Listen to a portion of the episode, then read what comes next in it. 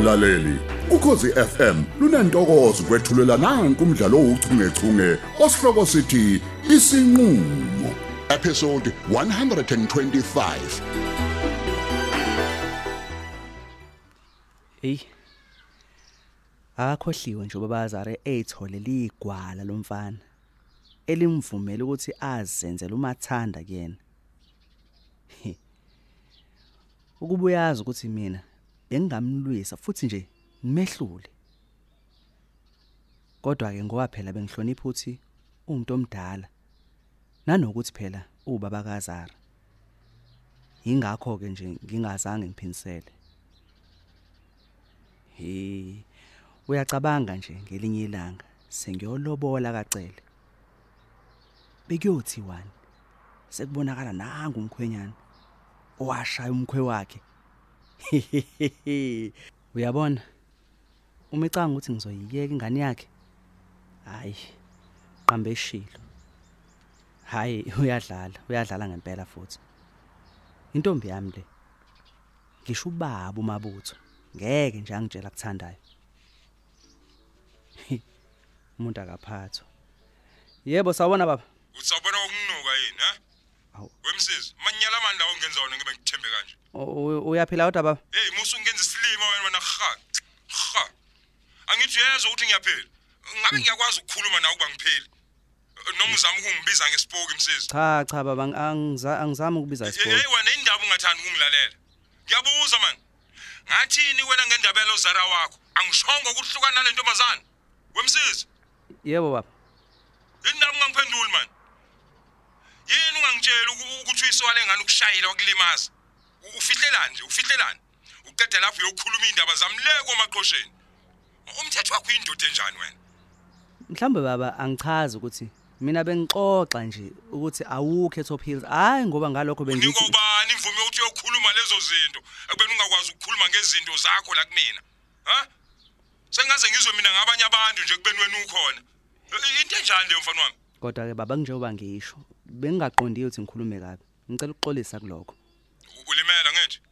Hayi akusiyona into etheni baba. Ngilalela la mana anginandaba ukuthi into etheni noma into engatheni. Okusalayo uhamza ukubeka isandla. Wena kuzomela ngivulela icala lakhe. Seze, Yebo baba. ngizwa kahle ukuthi ngithini? Kuzomela uye emaphoyiseni manje. Namhlanje ngifuna ukuthi avalelwe lo umvulela icala. Ufuna la lesitoksini uhamza. Hayi dla ngamandla ngicela ukuxolisa bandla. Hey awunanga lutho man, awunanga lutho uxolisa ukuthini? Ngeke ngikwazi ukuvulela ubaba Azara icala.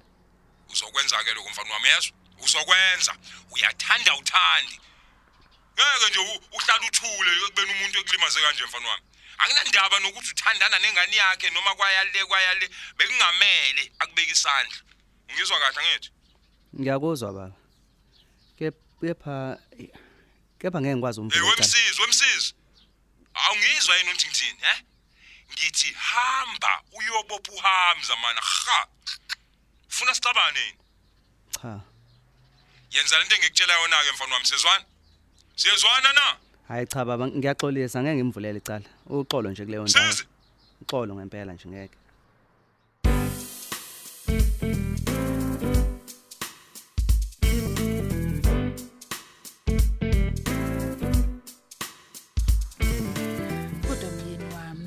Awufuni nje ukuthi urelaxe bakithi uphumule nje uvuswe yini ekseni kangaka Yho ngivuswe ukuthi sekusile uthini unkosikazi. Mina ngivuka ngazo lezi ikhathi ngilalela umsakazo. Phela thina sifani nabantu basemadolobheni abalalila ngalize lweshume kali kwandawo. hayi ngeke mina nje uzungibone nje ngize ngivukele ubala shem ukube kuya ngami nje engabe ngingena late kabi kulomsebenzi wami omusha wase Top Hills Hospital Hawu hayibo. Hawu kanti usoyishaya zaphelele zakho zobunesi. Hawu uyazi phela nginakile madoda. Eh, aw- Awusondele ngapha ngikubone kahle. hayi Awu, madoda. ngiyabona impela ukuthi hayi awunakile ukuthi sifikile shepherd usefikile u10 triple 1 Hey umuhle kodwa mkami. Uyazi kwavele kwathi angiphindele koSigananda ngokulobola isibili. hayi sokihamba Uyabona nje nalenye umfomi yavela kufanele kakhulu ke manje kunaqala. Hey kade phela ngagcina ukubona uyigqokile madoda. Uwe ngempela lo Mrs Ey Khumalo. Uwe kodwa lo Mtungwa Hey, uyazi madoda. wancuma ngazi ngaba namahloni baba la. Hey ngiyabonga ke kodwa ke yazi into engijabulisayo nje ukuthi ukhona njengoba kusuku lami lokuqala nje emsebenzini. Ehhe. Inhliziyo yami igubha magagazi ngathi ngiyoqala kwaFestina. hayi kanti ungethuki hawu loyo muzi umuzi ojwayelekile nje ma uthi umuntu uqala into entsha kodwa kuphela usuku obusujwayele wena uyazi ngiyafisa nje ukuthi wawusukhona mhla ngilalisiwe lapha ko Top Hills ngigula Hayibo baba. ehe Hayi ushiso yini lokho? Ongaphathekile kahle sibedlela? hayi hayi kabe ngiyabasukela nkosi yami bangiphathiswa kwenkosi Oh ha phela hey bese ngizofika ngibashubisele mina hayibo. Imina phela umetro nabomusha manje bazozwa ngami. hey pho bazobe bephethwe ohlanya hayi cha ungabathethisi phela abantu ngekabi lapha ya bese ngisho nje ukuthi kwakuyoba mnandi ukunakekelwa unkosikazi wami onezandla ezifudumele Ehhe. Ay. Kanti baba uzobusafuna nje ngoba phela hey wawuphathiswa kwenkosi nje esibedlela kusho wena nje. hey watatazela kangaka wemashezi kanti wena ubhekani ngempela usuyosithela nje Hey akubona yini labo khiye bemoto baba. Hey bamani banyamalale nje. Angisazi ngempela ukuthi ngibabeke phi hayibo. we kuguga naba nje okhiyela etafuleni eh nabo khinye Hawu baba. Sengazi ukuthi ngigugile pho. He uyangibona kodwa baba uthi ngifresh kanjani? Buka nje buka isinqa buka isinqa. hawe mashothe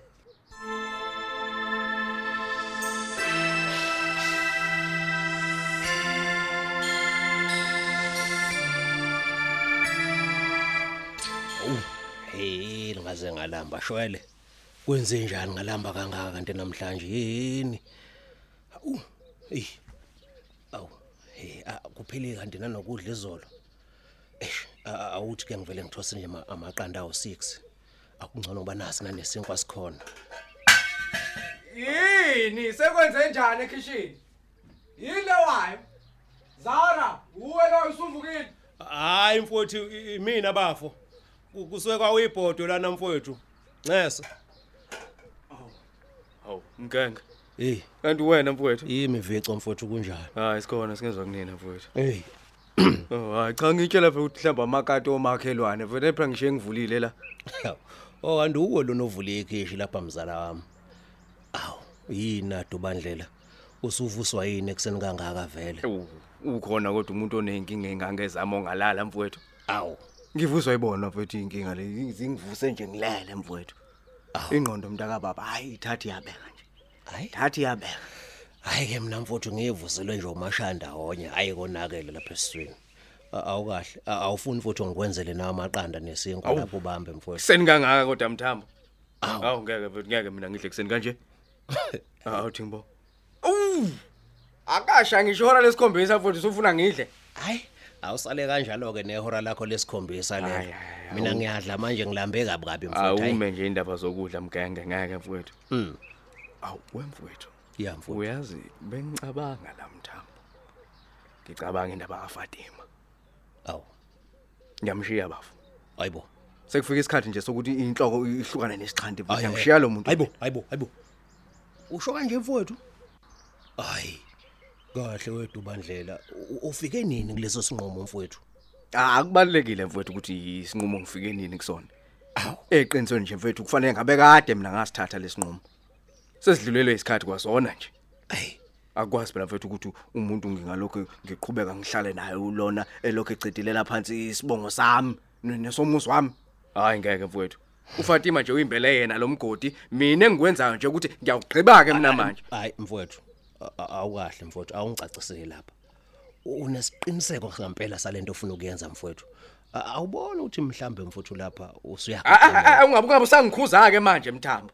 Suqalele into yakho ke Hayi, manje lokhu lokungikhuza Hayi, unga ungayiqali nje. Eh mfowethu. uFatima mfowethu u- ubukisile ngami. Hayi, bukisile ngami kuwonke lo mphakathi.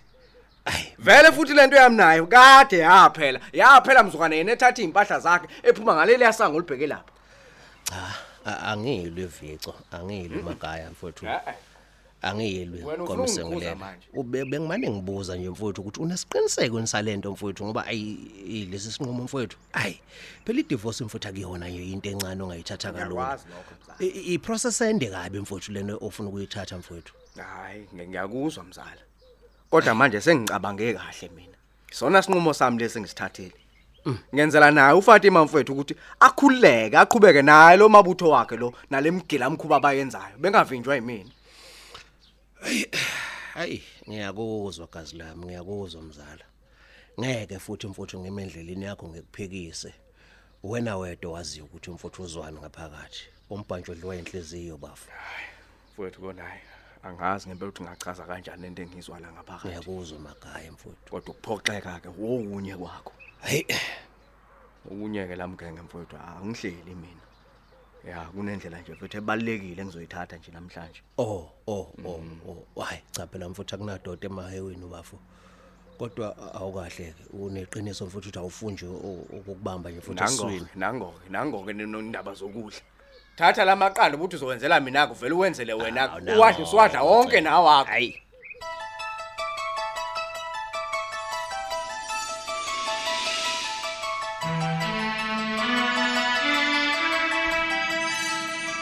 Yazi baba a- ayazi angisazi ke mina manje.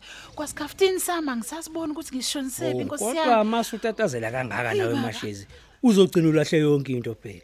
Bekisisa lapha esikhwameni sakho. Usho kanje baba? Oh saze zaningi kangaka nezikhwama zakho bu kodwa uyobuya nje emsebenzini? Hayi Hawu, angisazi madoda. mina baba. Kodwa phela ke ayi phela ukuthi nje ngisaba kushiwa isikhathi baba ngifike nje ngifika ngakho kodwa nje emsebenzini. Uyazi intembi ukuthi iyajwayeleka baba. Uma ngingaba late nje namhlanje ngoba late zonke izinsuku hayi ke kwesikhwama ke baba ngicela ungangibuzi. Mm, hayi ngeke ngizwe nje beyisho lesikhathi kodwa ke a- awume kancane sikhulume ngoba phela indlela owehle wenyuka ngayo izongenza ukuthi ngize ngikhohle nkosikazi. uzoze ukhohlwe yini manje Ben? Ngiyathemba ukuthi kubalekile futhi angiyeke kungenze ngibe late cha emsebenzini. cha. Ngiyakukhumbuza nje ukuthi namhlanje ngizoya emaqhosheni kufanele ngobhekisa ime ekhaya andube kufika abakhongi. Abakhongi? angithi abakhongi bani manje? Baba kanti akuze abantu bakacela ukuthi bazohlawula? Sengabakhongi manje? Ah, ubheke sengiphambuka nkosikazi.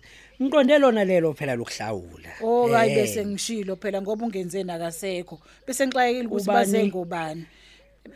bese kuthiwa imina ke njalo engigugile. Hey akabizwa njalo ngegama udadewenu wasemzini uyemashisa hayi suka hawu. Lalela ke ningakhohlwa kunginika nami ingxenye yemali yenhlawulo.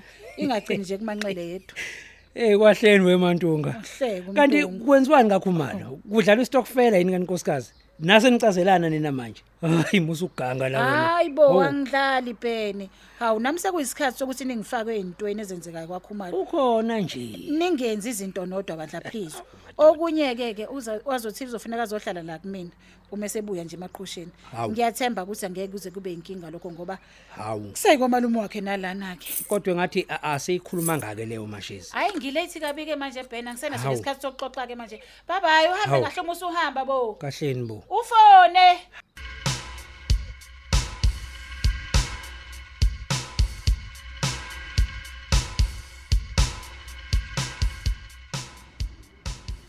Hayibo. Ngoba ngithi umthambo nje lo uqhamuka lapha epassage hayi ake ngimhlangabeze. Ngifuna ukuzwa kahle ukuthi sekwenze njani ke manje? Eh Fatima, awu ngiza lapho kuwena impela. Ngiyakubona nje lapha yayo windini lasefamasi yini ubekwa yini la mthambo? Kwenzeke ngize kuwena Fatima. Ngize kuwena Fatima. Ngicela sikhulume mina nawe. Awu awu awu. Upho waba serious kangaka nje? Yini kumelana nani? Ifone call leya?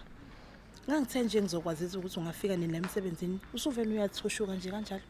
Khohlwa leyo nto khohlwa khohlwa khohlwa khohlwa leyo nto nje khohlwa sengiyila manje. Bengazi ukuthi uma ngabe ngithi ngizolinda wena kuzogcina kungenzekanga lokho. Uzolokhu ungidakhela kanti kuyaphuthuma ukuthi mina nawe sikhulume. Hayi uyangilahla ke manje.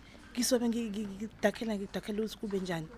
Kanti yini le ngakofuna sikhulume ngayo mthambo kanti ke ngisiza ungadideki ngisize nje ungadideki. Imisebenzi yakho Fatima uyazi kahle Hayi, yonke hayi, uyayazi hayi, Fatima. hayi hayi mana lapho ke nje mthambo ukhumbule phela ukuthi anginaso isikhathi soloke mina ngiqagela lana ngisona sangoma ngicela ukuthi usho ukuthi uze ngani la. Ngibhizi kabi namhlanje ngimatasa la esibhedlela. Futhi ukuze nomphathi omusha ngifuna ngifice ngikhuluma indaba mina nawe. Angivele ngihlala odabeni ke mfazi kamfowethu. hayi hayi